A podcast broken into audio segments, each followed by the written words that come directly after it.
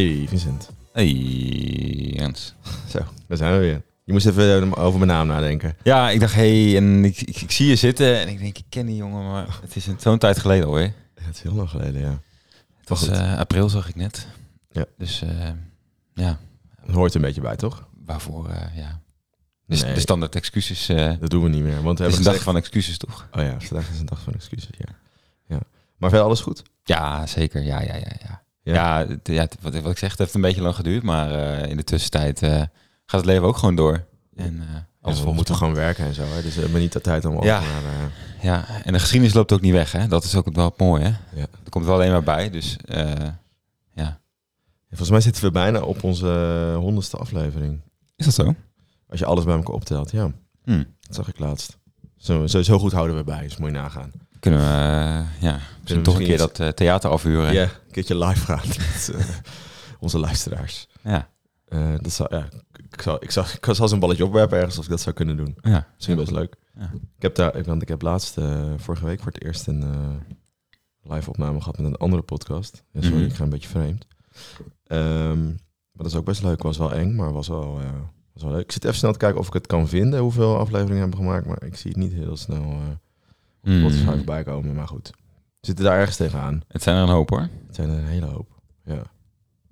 Maar goed, vandaag, eh jij zei net al, je had het over excuses. Het is vandaag 1 juli dat we het opnemen. We komen net eigenlijk uit ehm, de toespraak of de live bijeenkomst van de herdenking van de afschaffing van de slavernij 150 jaar geleden. Met een toespraak van de koning. Ja. En jij zei, jij, eh, jij zei ik voel hem wel. Nou ja, ik een ik, beetje om lachen. nou ja, ik voel hem wel. Ik bedoel, eh, ik heb er voor de rest natuurlijk weinig eh, eh, mee te maken. Althans, dat, daar ga ik zo vanuit. Of we hebben het allemaal mee te maken. Het is hoe je tegenaan kijkt. Daar gaan we, daar gaan we het zo verder over. Maar daar kunnen we het even over hebben. Ehm, nee, maar ik zag dat zo op tv en ik dacht, ja, dit is wel, dit is een andere speech dan, dan, ander, dan andere. En deze kan wel in een bepaald rijtje met speeches met iets meer ehm, betekenis, iets meer allure ook. Ja, want ook- even voor de mensen die het niet weten. eh, Willem-Alexander heeft net als koning van Nederland excuses aangeboden eh, voor de slavernij. Mark Rutte en, en we zeggen de, zeg je dat, de, de Tweede Kamer, de regering, Mhm. he- de regering moet ik even goed zeggen, heeft dat gedaan op 19 december 2022. En nu heeft de koning dat ook gedaan. En dit had inderdaad, wat jij zei, ik voel hem wel, ik snap wat je bedoelt, want dit had ook voor mij veel meer waarde of impact, hoe je het ook wil zeggen. Nou, zeker omdat ik in het begin had verwacht dat het misschien ehm, ja, wat minder impact zou hebben of zo. Of dat het, Ja. maar ja. het was gewoon een hele goede, dat was een hele goede toespraak. En Ja. hij was ook, eh, je za- je zag dat hij, eh, of nou, ik weet niet of hij persoonlijk geraakt is, maar dat hij wel persoonlijk betrokken was. Ehm, ik weet niet, eh, ja, het was op een gegeven moment een soort applaus toen hij dat deed. En dat een hele goede timing, vond ik, dat hij daarna weer begon. En ook een soort van zijn stem ging verheffen van, dat zo, Ja. want het is heel belangrijk. Ja, ja het was echt on eh, Willem-Alexanderus. Ja. Zeg Ja, dat is gewoon echt een, een, een, een, eh, een toespraak met emotie erin. Dat vond ik wel heel, eh, Ja. heel mooi. En ik ben benieuwd wat er nu... Ja, het is gewoon een heel mooi symbool, denk ik. Ja, jij zei een beetje... Oh, we hadden het net ook een beetje... We gaan nu een beetje een soort snijtafel worden... om die toespraak helemaal te ontleden. Maar ehm, jij zei ook iets over ehm, die, die excuses... en wat hij dus daarna zei. Dat je dus ook een soort respect moet hebben... of je moet begrijpen de mensen die er anders in staan. Mhm. Eh, of zeg je, die zeggen die, dat die excuses zijn niet nodig... want we hebben er niks mee te maken. Ja, die niet per se tegen de excuses zijn of zo. Ja, hij richt zich een beetje op de grote middengroep of zo, die, Ja. eh, die, die inderdaad het nut er niet zo van inziet. Terwijl ik denk, ja, hoe erg is het dat dan, eh, hoe zeg je dat? Hoe erg is het dan dat hij excuses aanbiedt voor die middengroep? Die, ja, er verandert toch niks in hun dagelijks leven nu. Nee. Ze hoeven zich toch niet een soort van met, eh, als een soort melaatse nu door de, eh, door, door de straat te lopen om, en tegen iedereen sorry te zeggen. nee, ja, ik zie dat ook niet helemaal. Maar... Nee, dus ik snapte niet zo goed. Ja, ik snapte heel goed dat hij zei van we moeten daar respect voor hebben. Maar ik denk, ja, voor hun verandert er niks. En voor die mensen die juist die excuses ehm, wel heel belangrijk vinden, dat is dit wel een hele grote stap vooruit, denk ik. Ja. Nou, punt. Ja. Toch? Ja. Nou, ehm, laten we verder gaan. Want ja, we kunnen er eigenlijk niet omheen. En we gaan dus een aflevering maken over eh, Katie Coty. Dat is vandaag. Dat is vandaag. En ik denk dat we ons bewust moeten zijn dat wij twee eh, witte jongens zijn die niet zoveel te maken hebben met die slavernijgeschiedenis. Komen we zo nog op terug. Op het einde van de aflevering. Ehm, dus we zullen fouten maken misschien en dingen verkeerd uitspreken. Maar eh, eh, sorry daar alvast voor. Ehm, maar we zijn ons daarvan bewust. Maar het is ook wel een onderwerp, denk ik, wat goed is om nog eens wat verder uit te diepen. En ook als je kijkt naar onze, naar onze luisteraars. Ik denk dat we een bijzonder verhaal hebben wat ik nog eigenlijk niet kende. Terwijl het eigenlijk best eh, vaak, eh wij focussen altijd op personen. Mhm. Soms is het best wel moeilijk om daar iets over te vinden uiteindelijk, om bronnen. Of je komt bij hele obscure websites terecht, eh, waarvan je denkt, is dit wel helemaal waar? Mhm. Maar deze eigenlijk niet. Hier was heel veel over te vinden, terwijl ik het, he- het hele Ja. verhaal niet kende, eigenlijk. Eh, nee. nee, niet van deze persoon, maar ook... ehm, ja, misschien dat jij dat wel iets beter wist, maar überhaupt een beetje de algemene geschiedenis waar deze persoon zich in bev- bevindt, bevond. Nee, eigenlijk ook niet heel goed. Eh, Hmm. Dus dat is denk ik wel, eh, wel interessant. Want we gaan het vandaag hebben over eh Boni. Ja, niet de supermarkt. Nee, ook zou leuk zijn. Maar een, eigenlijk een, ja, hoe zullen we hem noemen? Op Wikipedia staat vrijheidsstrijder en guerrilla-leider uit Suriname. Ja. Geboren rond 1730. Ehm, maar ja, hoe, hoe- wat zou jij een soort van, eh, ja... Ja, ik denk dat vrijheidsstrijder op zich wel een eh, mooie naam is, denk ik. Dus daar gaan we, ja, laten we dat aan vasthouden. Dus daar gaan we vandaag op in. Maar voordat ik denk, voordat we eh, zijn hele leven verder induiken, we hebben deze aflevering soort van opgebouwd in drie eh, segmentjes. Een soort van de achtergrond van Bodem is een beetje de historische context. En dan gaan we naar een soort van de, de strijd of de oorlog, wordt het ook wel genoemd, Mar Maron-oorlog. Ehm, en het sluit een beetje af van hoe... Ja, hoe Ja, wat een beetje de impact. wat een beetje de impact is en hoe er nu op hem eh, wordt, eh, hoe nu naar hem wordt gekeken. Maar voordat ik daar, denk ik, voordat we daar aan beginnen, dacht ik, eh, we hebben geen historische week, want we hebben, nou, die excuses was al historisch genoeg en we zijn er zo lang uit geweest dat we wel aflevering kunnen maken over wat we allemaal hebben gedaan de afgelopen maanden. Maar ik was toevallig woensdag, afgelopen woensdag was het volgens mij 28 juni, was ik bij een ehm, symposium over slavernij in de provincie Overijssel voor mijn werk. Ehm, er is namelijk een onderzoek geweest naar de banden, koloniale sporen tussen de provincie Overijssel en, of de sporen, ja, Mhm. de koloniale sporen in de provincie Overijssel. Nou, dat zijn er toch best veel. Ja, zou je je misschien niet, meteen verwachten. eh, denken. Het zit hem natuurlijk vooral in plantagehouders of mensen die profiteerden van plantages, dus families, Mhm. eh, die daarna grote, eh, hoe zeg je dat, grote landhuizen lieten bouwen lang- langs de IJssel. Dat is denk ik de grootste, voornaamste groep mensen die geprofiteerd hebben. Maar ook inderdaad vrijgemaakte eh slaafgemaakten die, eh, tot slaafgemaakten die eh, in, in de s- eh, Overijsselse steden gingen wonen en dat soort dingen. Of steden die profiteerden door dingen te verkopen, juist aan plantages, zoals gewoon etenswaren en zo. Dat vond ik ook wel grappig, had ik nooit over nagedacht. Mhm. Er waren best wel lijsten met bijvoorbeeld de stad Deventer geeft katoen of lood. Ja, katoen is niet denk ik gegooid, maar lood en eh, dat soort dingen om bijvoorbeeld plantages te beschermen tegen indringers. Nou, dat is ook nog interessant in dit verhaal van vandaag. Ja. Dus dat was eh, wel een, een heel mooi symposium. En ehm, het symposium, er was een lezing van eh, universitair hoofddocent Koen van Galen. Dat vond ik wel interessant, want hij zoomde eigenlijk een beetje uit uit die slavernijgeschiedenis van Overijssel door beginnen met de hele geschiedenis van überhaupt het woord slavernij en wat nou slavernij is. Ehm, en ehm, ging, maakte daar een soort van vergelijking tussen de slavernij eh, die wij kennen, dus de transatlantische, laten we dat even, de transatlantische slavernij en andere slavernijsoorten over de hele wereld. Ehm, want slavernij is iets heel ouds, eigenlijk zo lang Ja. mensen bestaat, is er, zijn er vormen van, eh, van slavernij. Ehm, en als je dan bijvoorbeeld kijkt naar eh provincie Overijssel of gewoon Nederland in de 15e eeuw, was ook bijvoorbeeld een vorm van slavernij. Nou, de horigheid is eigenlijk zo, zoiets. Dus landarbeiders die gratis ja, of zonder eh, Mhm. betaald werden, werkten voor, op, een- op een land. Eh, nou, de Romeinen hebben hele bekende vormen van slavernij. Dat kennen we uit de Bijbel bijvoorbeeld. Dus er zijn heel veel eh, soorten van slavernij. Op dit moment is er ook nog steeds slavernij. Schattingen zijn dat bijvoorbeeld 20.000 mensen in Nederland ook nog een soort van in een vorm van slavernij werken op dit moment. Dus dat is best heftig. Ehm, maar wat hij heel goed deed, vond ik, en wat ik wel dacht ik van, dat is zo interessant, had ik nooit zo goed over nagedacht. Wat is nou het verschil tussen die soorten slavernij, de middeleeuwen bijvoorbeeld, en nou die transatlantische slavernij? En dat is dus vooral dat die transatlantische slavernij was gebaseerd op ehm, etniciteit. Stel je Ja. voor, jij eh, leeft in de 14e eeuw, 15e eeuw in eh Voorthuizen. Mhm. Eh, nou, waarschijnlijk zat je dan in de horigheid. ja, kans is eh, groot. Kans ja. is heel groot. Ehm, en je zou kinderen krijgen, dan zouden die kinderen niet meteen gekoppeld worden aan slavernij. Snap je wat ik bedoel? Mhm. Want je had geen uiterlijke kenmerken die verbonden waren aan, eh, aan, aan slavernij. Ja. Ehm, en dat was in die transatlantische eh, slavernij was dat heel anders. Want alle tot slaafgemaakten waren vaak zwart. Ehm, en die werden daar, laat me zeggen, ook op aangenomen. Dus die generaties die na, daarna werden altijd geconfronteerd met hun slavernijgeschiedenis. Um, en wat hij dus wel, wat ik heel mooi uh, vond, is dat ze, hij ging heel lang in op een soort kopingsmechanisme. Wat je hebt als, uh, uh, wat, wat waarschijnlijk is als je tot slaaf gemaakt was toen de tijd. Dat je moest dan de hele dagen werken.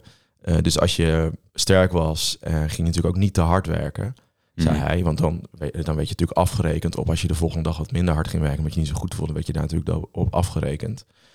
En uh, hij zei ook, je zorgt er altijd voor dat je een brede glimlach had, uh, zodat je ook niet afgeranseld werd. Weet je, dat je altijd een soort van te boek stond als vrolijk en als nou, een beetje doorwerkend. En je zorgde ervoor dat je niet te intelligent was, want dan had je een soort gevaar voor die plantagehouders. Hè? Dan kon je natuurlijk slim zijn en misschien wel een uh, opstand of, organiseren en dat soort dingen. En die drie kenmerken, die, ik weet niet, ja, klinkt een beetje, maar die herken je denk ik wel met bijvoorbeeld uh, toen de eerste Surinamers aan de onafhankelijkheid van Suriname naar Nederland kwamen. Of als je denkt aan Zwarte Piet. Dat zijn eigenlijk die drie, die drie kenmerken komen ook weer terug in die figuren. Mm -hmm. uh, en, en eigenlijk dat speelt, heet het, dat speelt nu nog steeds een rol in onze samenleving. Snap je wat ik bedoel? Ja. Ja, ik zie jou een beetje moeilijk kijken. Ja, ik vraag me, ja, ik, ik, ik, probeer het me even voor te stellen. Ik vind het, vind het nog lastig. Ik, ik, snap, ik besnap de redenering, maar.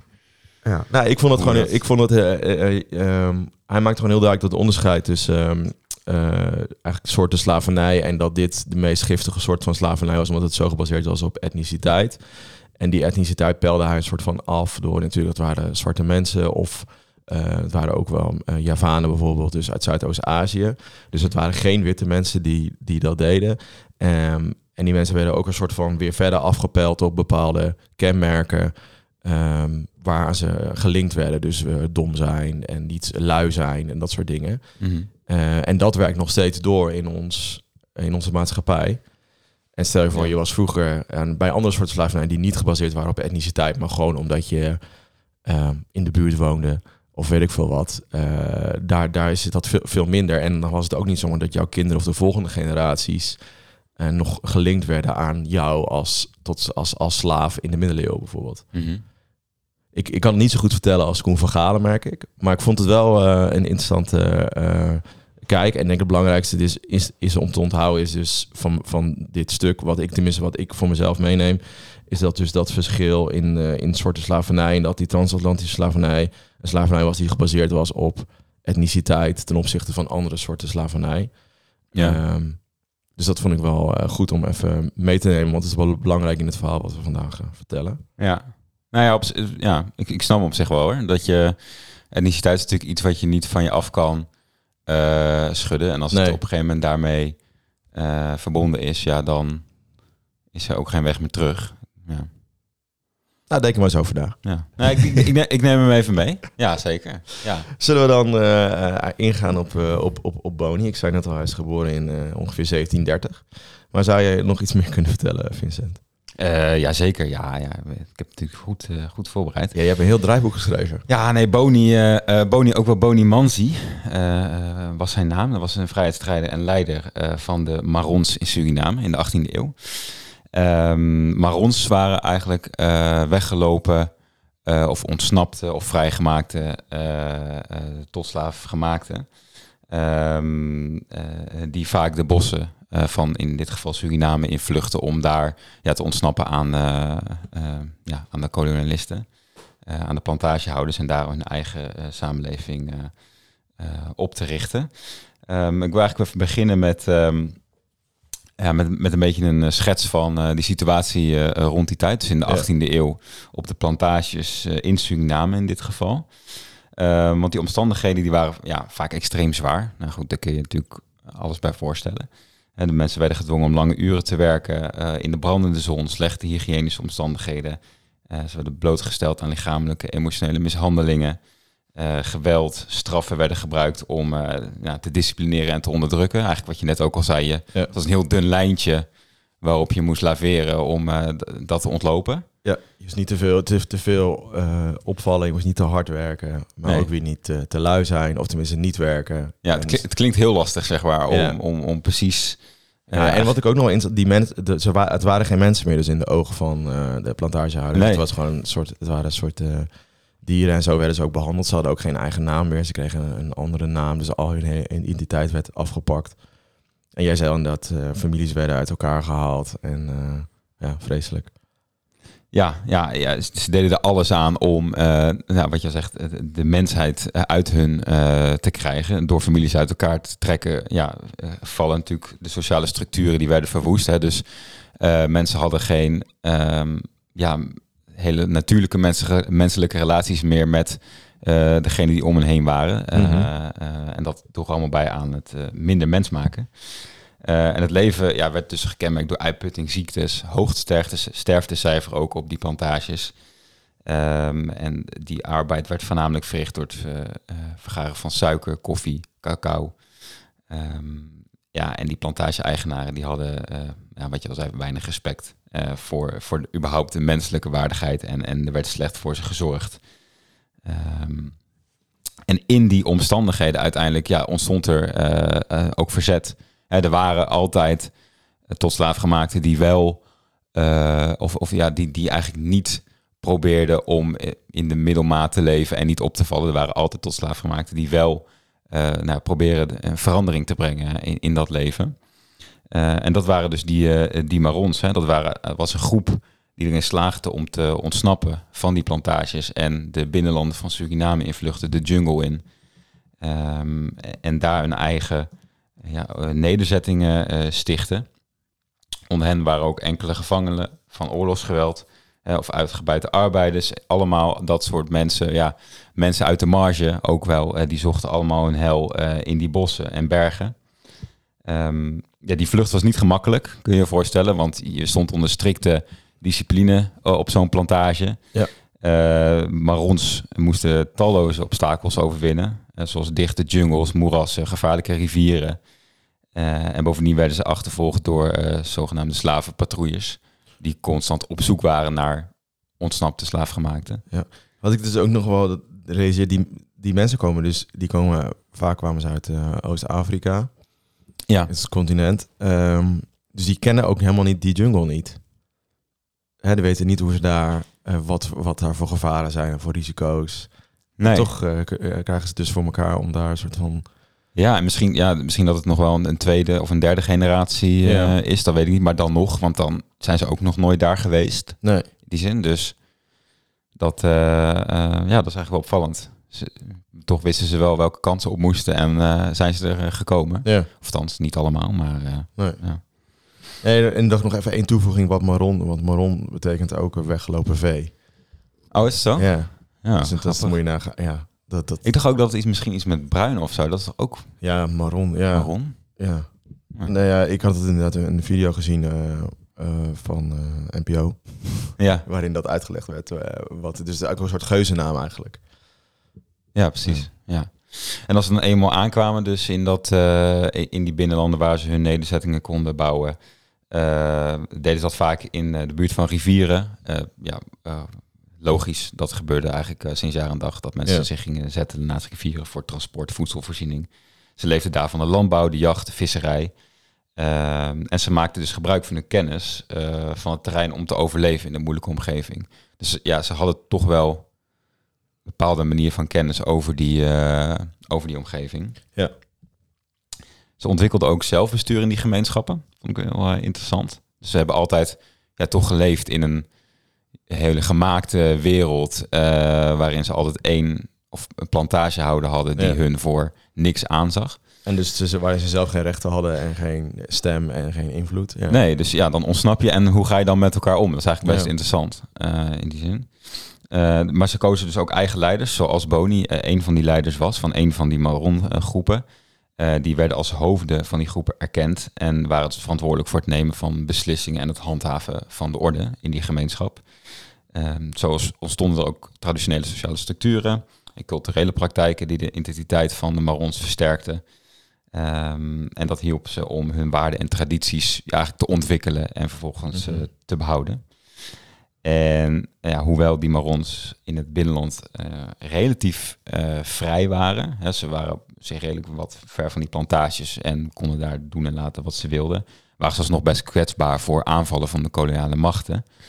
Eh, want de Nederlandse koloniale autoriteiten zagen de Marons als weggelopen slaven eh, en beschouwden hun bestaan als een bedreiging voor de plantage-economie, zoals je je kan voorstellen. Ja. Eh, anders zou dat helemaal in, in duigen vallen. Dus er werden ook wel militaire expedities die binnenlanden ingestuurd om Marons weer terug te halen en naar de plantages.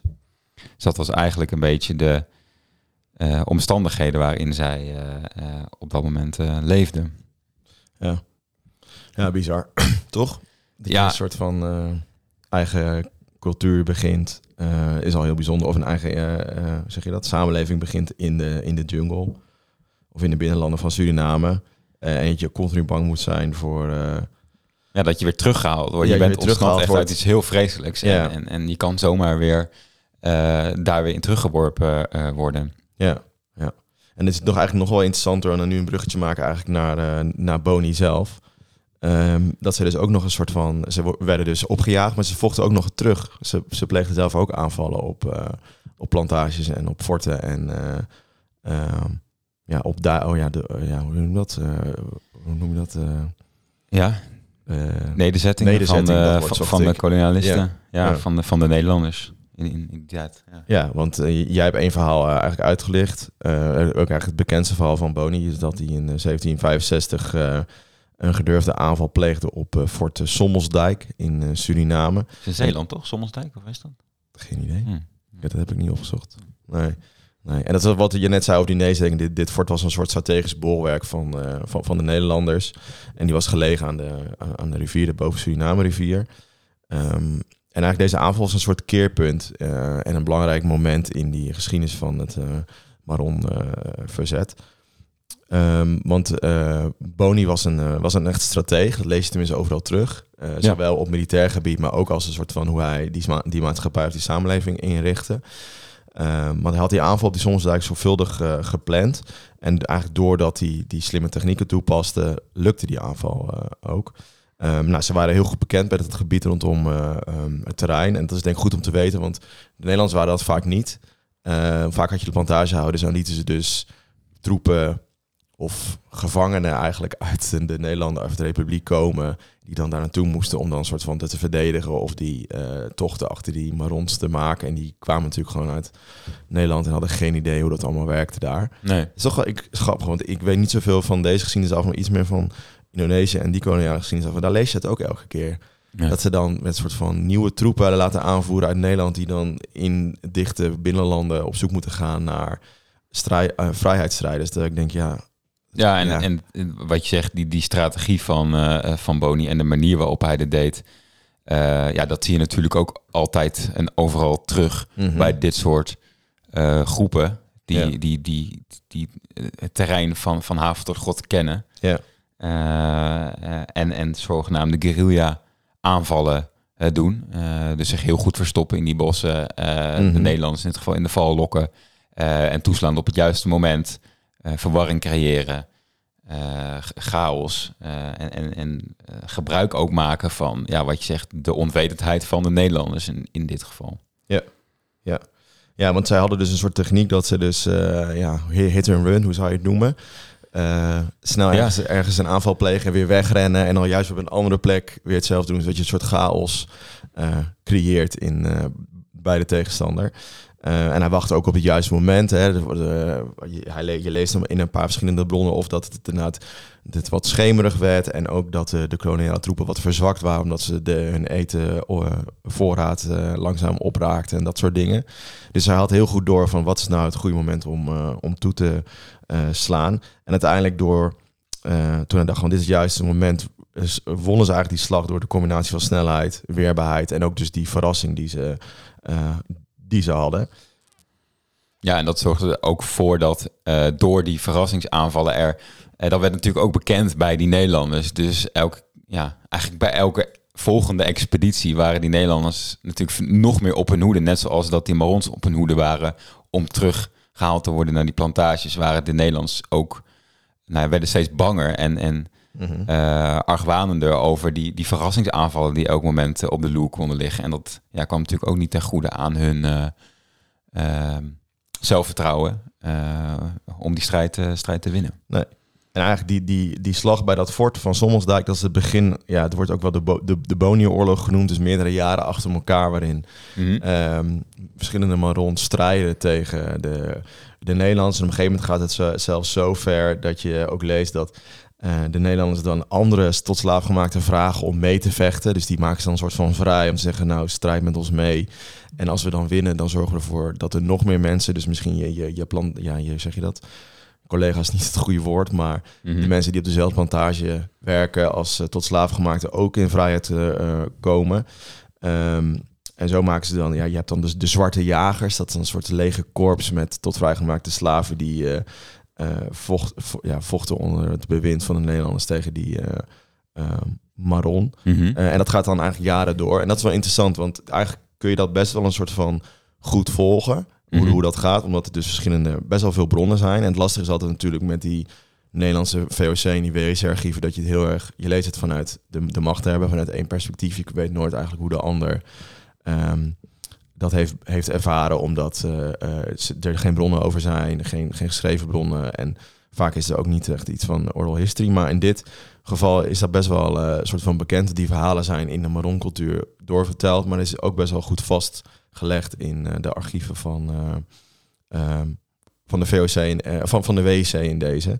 En zo lees je dus eigenlijk hoe dat nou ongeveer tot aan 17, 1777, 1780 ongeveer, dus die oorlog, eh, ja, die strijd tussen die Marons eh, doorging. Ja. En uiteindelijk ja, veroveren ze dat fort. En is dat het begin? Van een soort vrijheid Ja. cultuur. Ja, het is ook wel interessant, want ik las dus in het begin waren het maar 500 mensen, hè? inclusief kinderen, die Marons.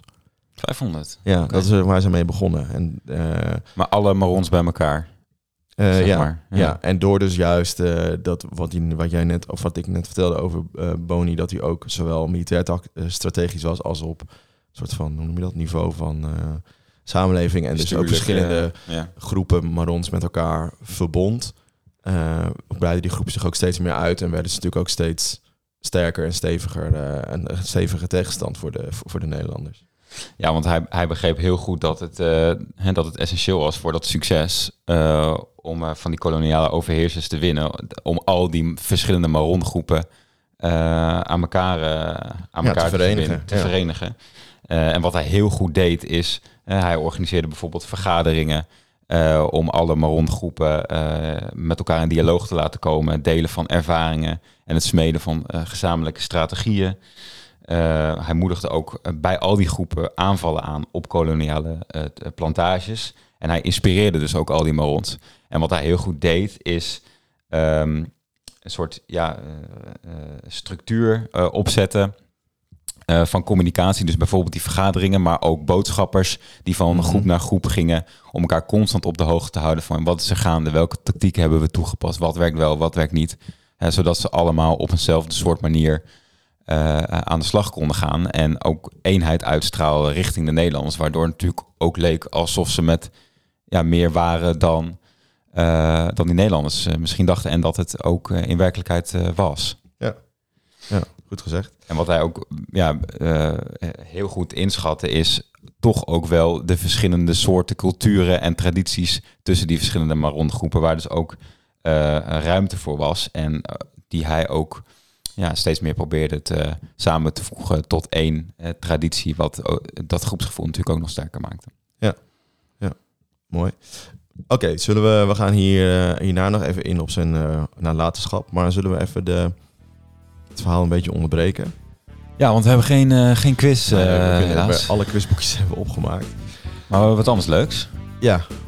Nou, leuk is het misschien niet per se. Maar Maar ja, eh, interessant, het interessant Interessant. noemen.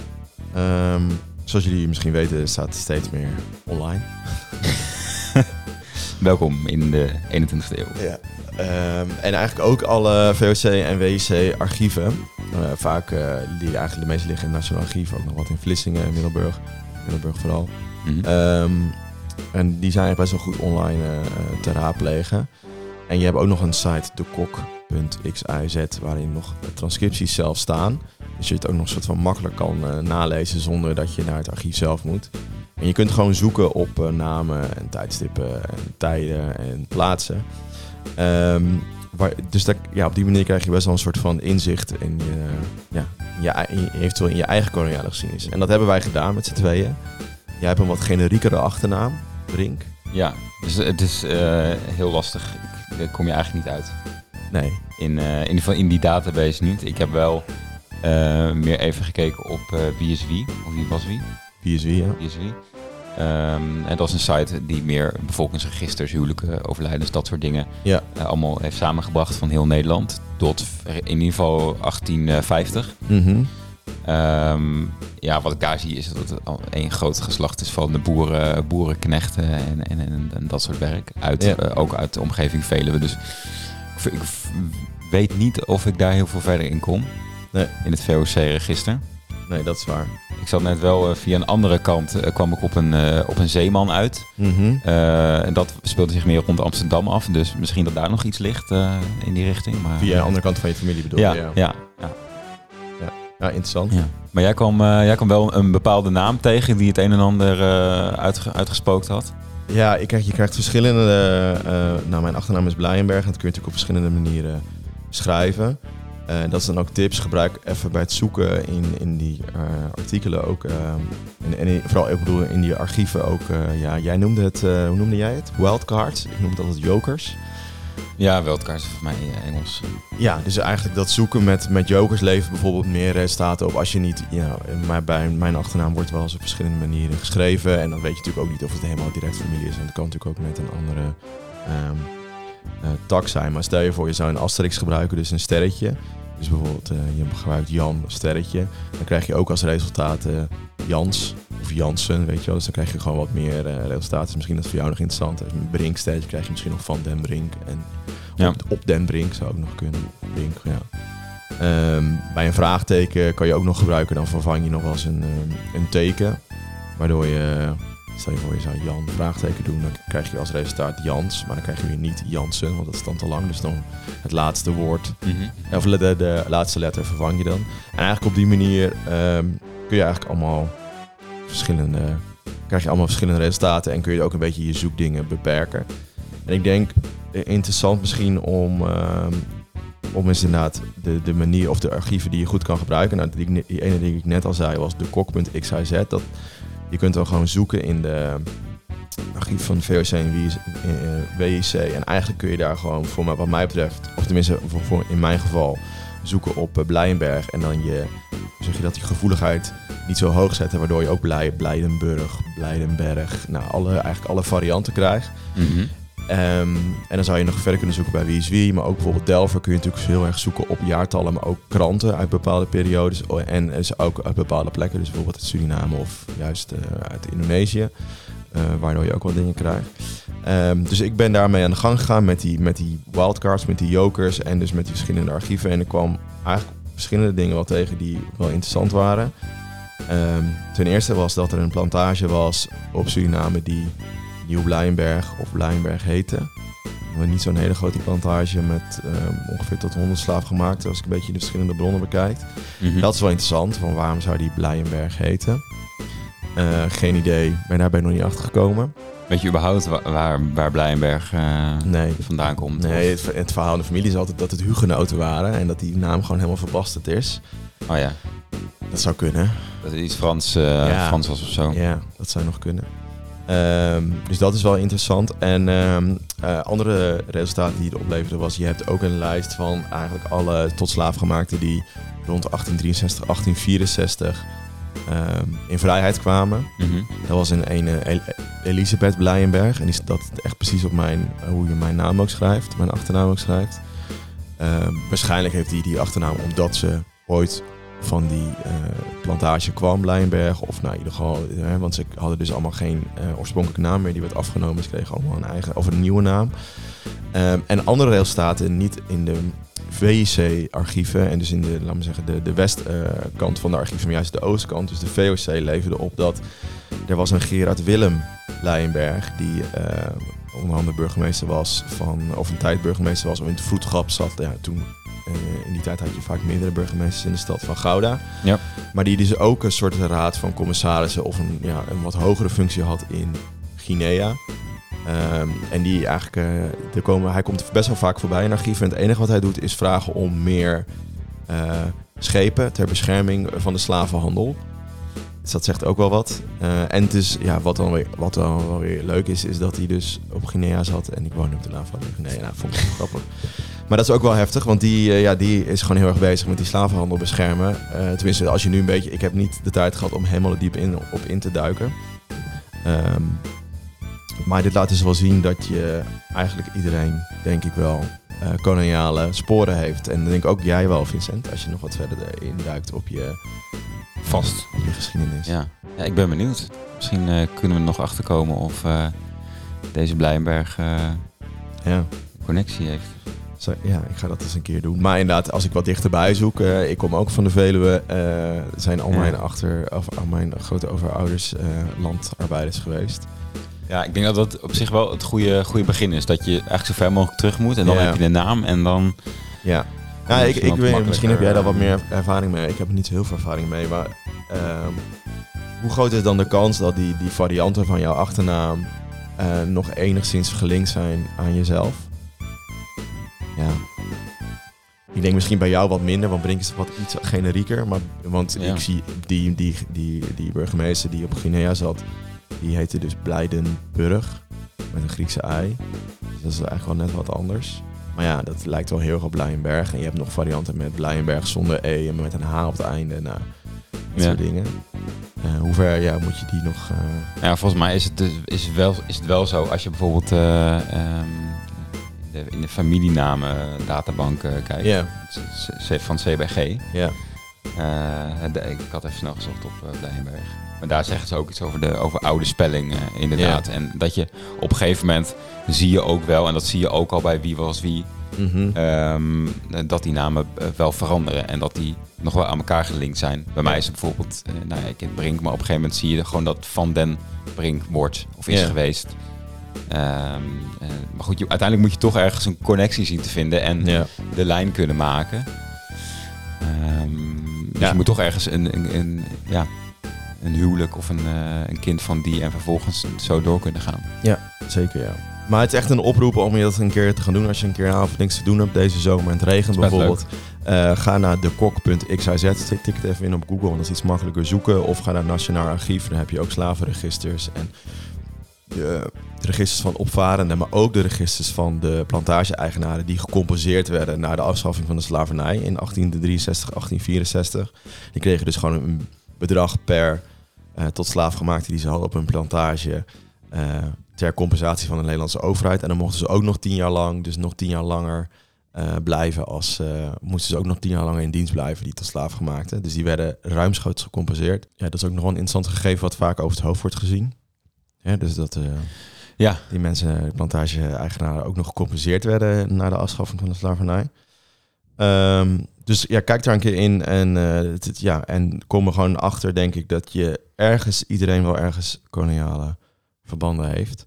Of linken heeft. Een versporen, laat ik het zo zeggen, in je eigen familiegeschiedenis.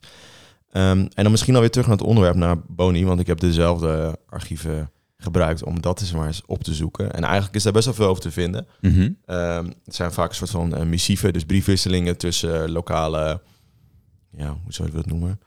Ehm, lokale overheden, ambtenaren die zaten in Suriname met Nederland, met de Kamer, laten we zeggen met de Kamers hier over, ja. ehm, die tot slaafgemaakten die weggelopen waren of in vrijheid waren, hoe ze daarmee om moesten gaan.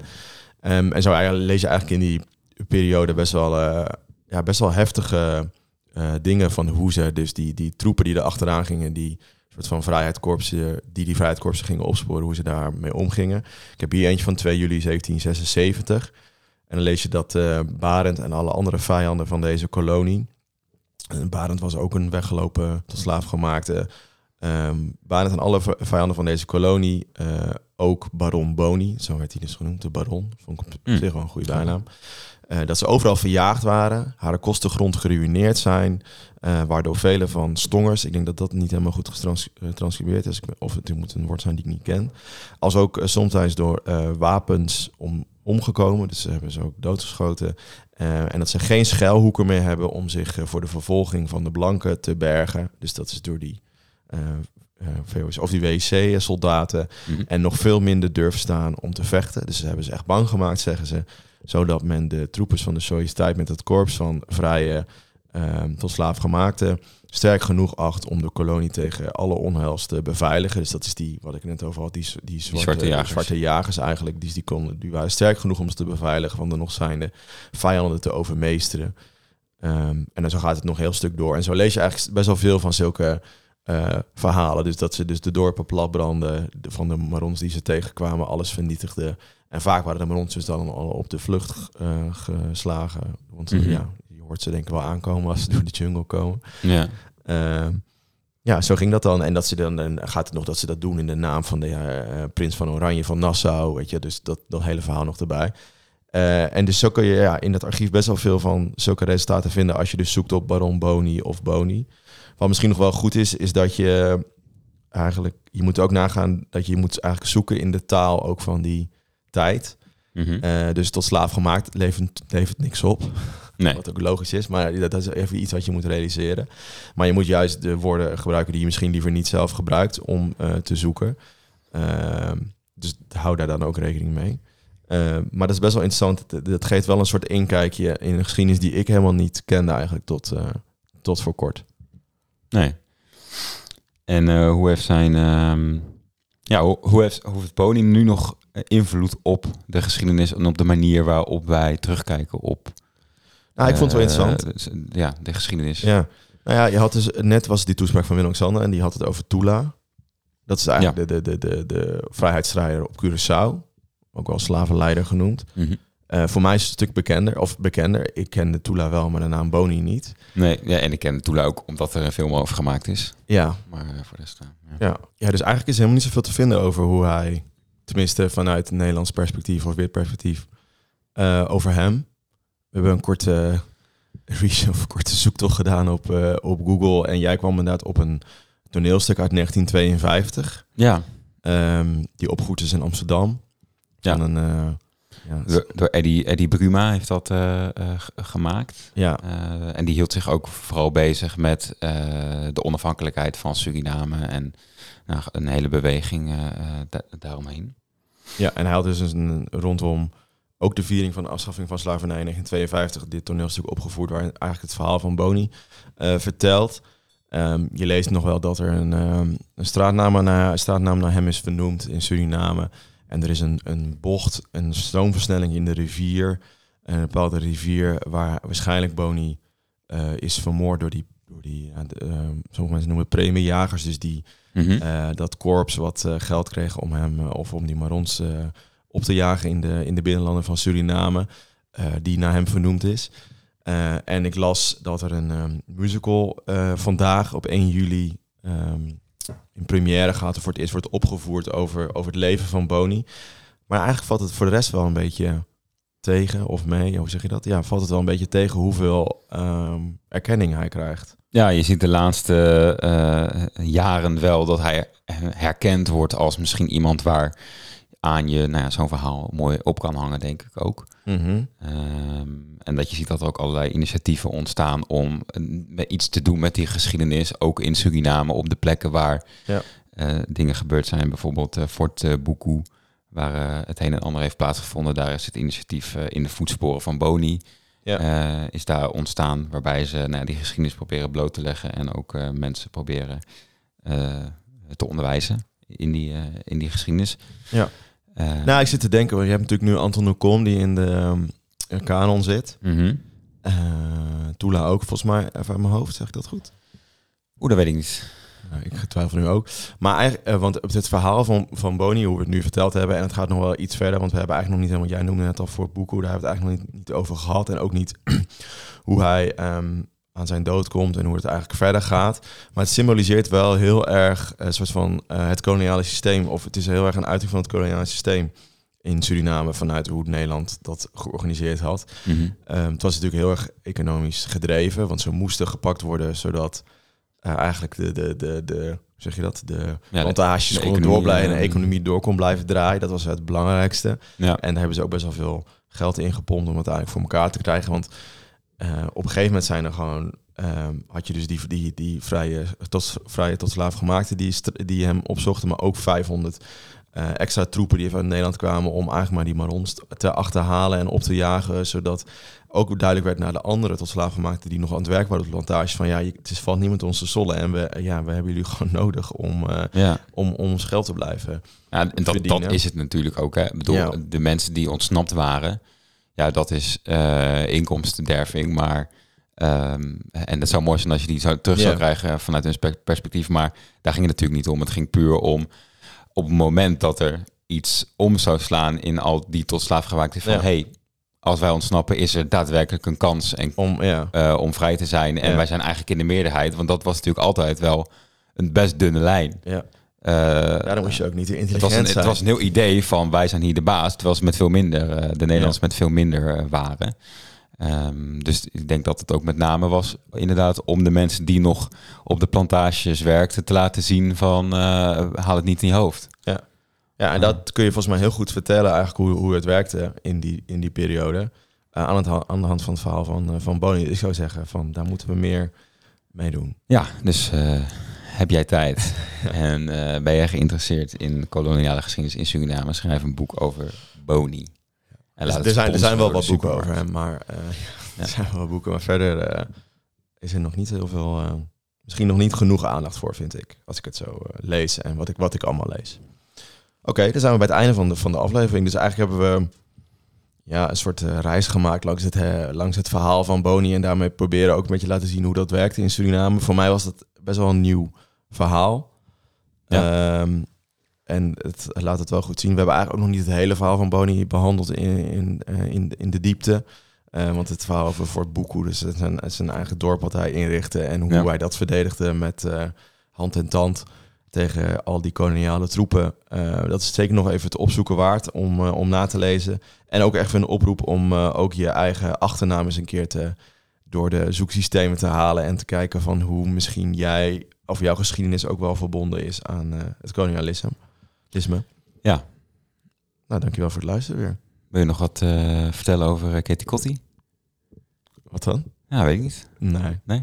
Nee, ja, wat moet ik nog vertellen? Ja, ik weet niet. leuke straat. straat oh ja, morgen heb ik... Maar dat, ja, dan- als mensen dit luisteren, is dat al waarschijnlijk al geweest. Ja, maar goed, ik kan dus een keertje langskomen. Ja, ja, ik geef morgen drie keer een leuke kolonie aan. Dat gaat niet echt over... Jij gaat het over kolonialisme. Eh, straatnamenroute in wijk Lombok langs alle koloniale straatnamen. Er zijn met name gouverneur-generaals. Dus het richt zich heel erg op... eh richt zich alleen op eh, de west of de oostkant van, eh, van de koloniale geschiedenis. Dus op Indonesië. Dus mocht je daar een keer meer over weten, kijk op bitsoutroute.nl. Ja. Of stuur mij een berichtje en dan kan ik je altijd een privé-rondleiding geven. Vind ik ook leuk. Ja, het is, het is natuurlijk zaak dat, dat Katie Kotti in de komende jaren steeds belangrijker wordt. Of, Ja. of zie ik dat verkeerd? Of steeds meer inhoud gaat krijgen. Ook voor eh, niet alleen mensen die heel direct Ja. eh, verbonden zijn met het eh slavernijverleden. Dat denk ik ook. Ja, dit is denk ik gewoon ook een. ehm, je hebt toch ook gewoon zulke dagen nodig om, om daar eens over na te denken. Snap je wat ik bedoel? Ja, In plaats van. ehm, wordt natuurlijk gedacht om het misschien een nationale feestdag te maken. Denk je dat het van gaat komen? Dit excuus van de koning heeft natuurlijk misschien weer iets meer eh, legitimatie eh, gegeven. ja, Legitimiteit.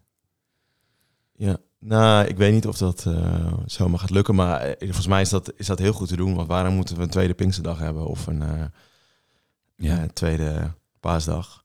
Ja. dan kan die toch gewoon afvallen en dan doe je toch. En dan heb je ook nog een. een want die, al die vrijdagen zitten ook zo in binnen zes weken. Je nog eentje iets verderop in het jaar.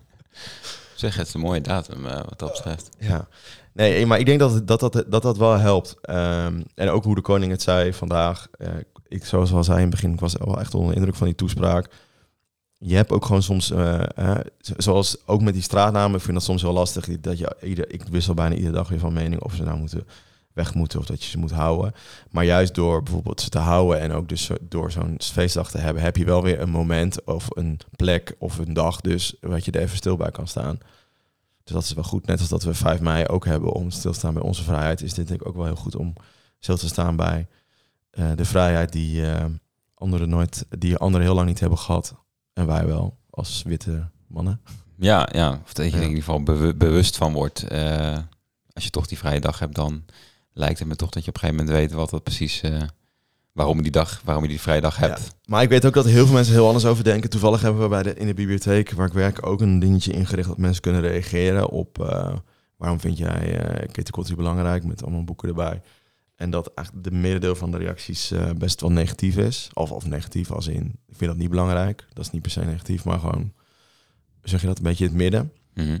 Eh, dus er is denk ik ook nog heel veel te winnen. En daarom is denk ik dat is ook een goede, eh, die toespraak van vanmiddag en de excuses is daar ook wel een startmoment voor. Ja, dat denk ik ook wel, ja. Dus hoe meer je zelf weet, ook, want het is denk ik ook heel veel uit onwetendheid.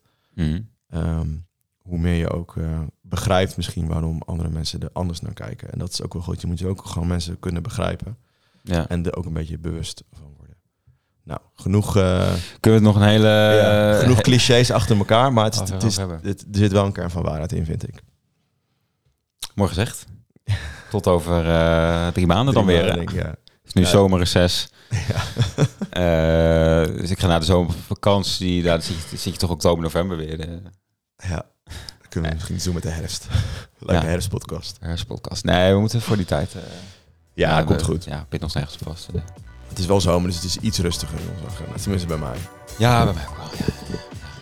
Oké. Moois, eh, misschien als iemand nog een ideetje heeft, laat het, laat het Ja, en als je een keer langs wil komen, Ja? hè, laat het even weten. Ja. Want dan neemt er wat koeken mee. ja. hebben we Vandaag, niet. vandaag niet gedaan, nee. Nee. Hey, eh, later. Dag.